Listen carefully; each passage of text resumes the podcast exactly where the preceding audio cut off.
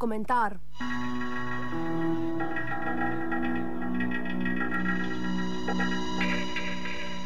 Odstop zaradi 200 tisoč razlogov, ne samo evrov.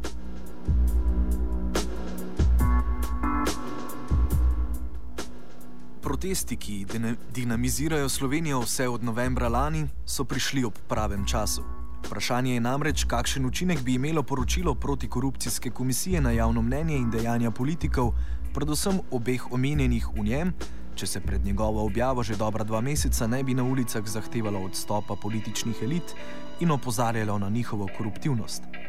Slovenski politiki so namreč, morda še bolj kot druge, mojstri v izmikanih, zanikanih, relativizacijah in manipulacijah, sedaj pa skušajo uporabiti vse znanje in izkušnje, ki so jih na teh področjih nabrali v preteklih dveh desetletjih. Kot da bi hoteli strniti vse njihove neumnosti v, za v zadnjih 20 letih v en kratek in jedrnat seznam, ter nam tako olajšati odločitev o našem odnosu do njih.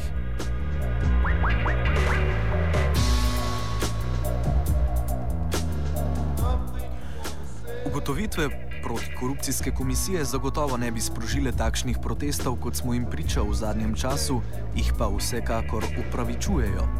Še bolj kot vsebina poročila, pa smiselnost protestov dokazujejo odzivi politikov, tako tistih neposredno upletenih, kot tistih, ki so upleteni zgolj sodelovanjem s temi prvimi. Odzivi Janša in Jankoviča so bili vsekakor pričakovani. Sprenevedanje, diskreditacije, napadi, zavajanje. A poročilo je raz, razgalilo tudi nekaj, kar protestniki na ulicah že vedo, voljivci pa ne bodo verjetno nikoli. V celoti so namreč na površje priplavale strukturne in konceptualne zgrešenosti, ki povezujeta domnevno največja antagonista stranki SDS in pozitivna Slovenija.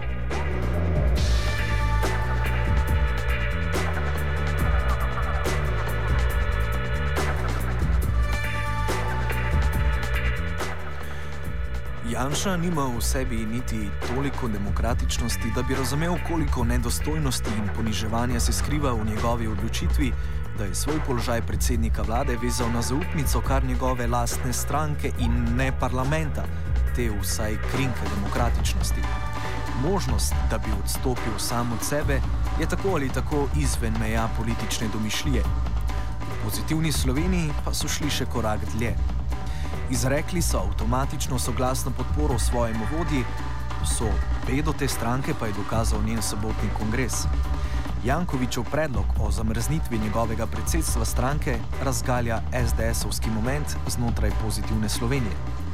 Jankovič je namreč vedel, da statut stranke zamrznitve predsedstva ne predvideva, a je zanj vseeno prosil, nihče od prisotnih več kot 700 članov pa temu ni nasprotoval preprosto ne razumejo, da bi bila edina pravilna in dolgoročno vzdržna možnost za stranko, da člani Jankoviča sami pozovejo k odstopu tako z mesta stranke kot z mesta župana Ljubljane, ne pa, da mu v nekaj minutnih govorih izkazujejo svojo ljubezen in udanost ter izvajajo retorične akrobacije, da bi ustvarili vtis nečesa prelomnega.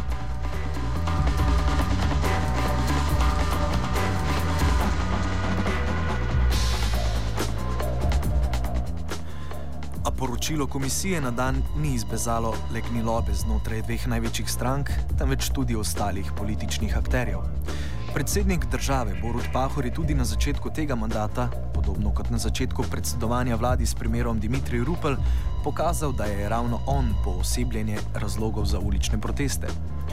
V odzivu na poročilo komisije je dejal le, da ga skrbi njegov vpliv na zaupanje ljudi v politiko in njen ugled. Kot da je ugled politike ta skrajna točka, ki je ne smemo preseči, in zaničevanje institucije, kot je protikorupcijska komisija, nima širših družbenih implikacij.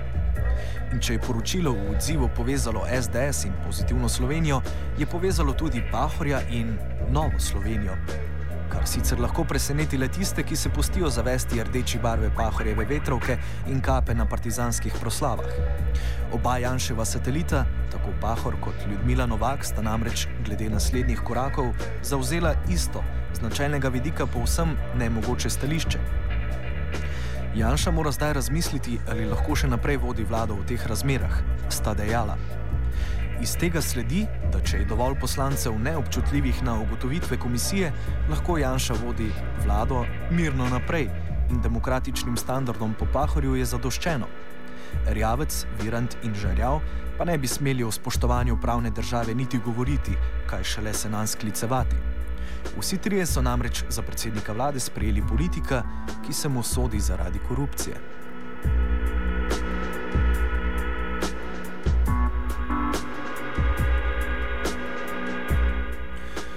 Zahteve po odstopu Janša in Jankoviča z več koncev zadnjih nekaj dni so sicer kot mazilo za ušesa po njunih izjavah po objavi poročila, a ne smemo se postiti zavesti. Da, odstopite naj, a poročilo protikorupcijske komisije naj bo navedeno kot le zadnje v dolgi vrsti utemeljenih razlogov za to potezo. To še posebej velja v primeru Janša. Da, odstop. Odstop zaradi zanikanja in žalitev izbrisanih, zaradi razgradnje javnega šolstva, politikantskega kadrovanja in uničevanja podjetij, usiljevanja druge kitice zdravnice, zaradi revizije zgodovine, odstop zaradi trgovine z orožjem, povezav z neonacisti, depale vasi, zaradi sojenja v primeru Patrija, urjenja ostašev med vojno na Hrvaškem, poveličevanja domobranstva, prepisanih govorov drugih politikov, odstop zaradi podrejanja medijev, varčevalnih ukrepov, nacionalističnega zmanjševanja pokojnin, zaradi izenačevanja komunizma in fašizma, državnega holdinga, stropenega diskurza, razprodaje državnih podjetij, odstop zaradi tvitev.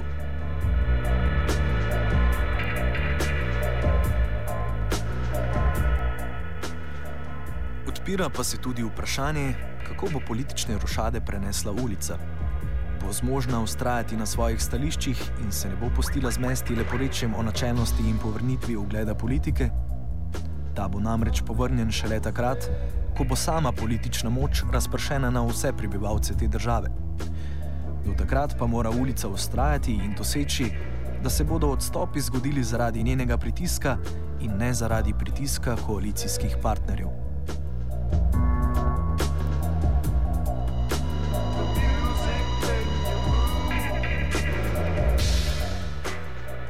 Komentar je spisal Boris Vasov. Off. Off. Off. Off. Off. Off. Off. Off. Off comentar.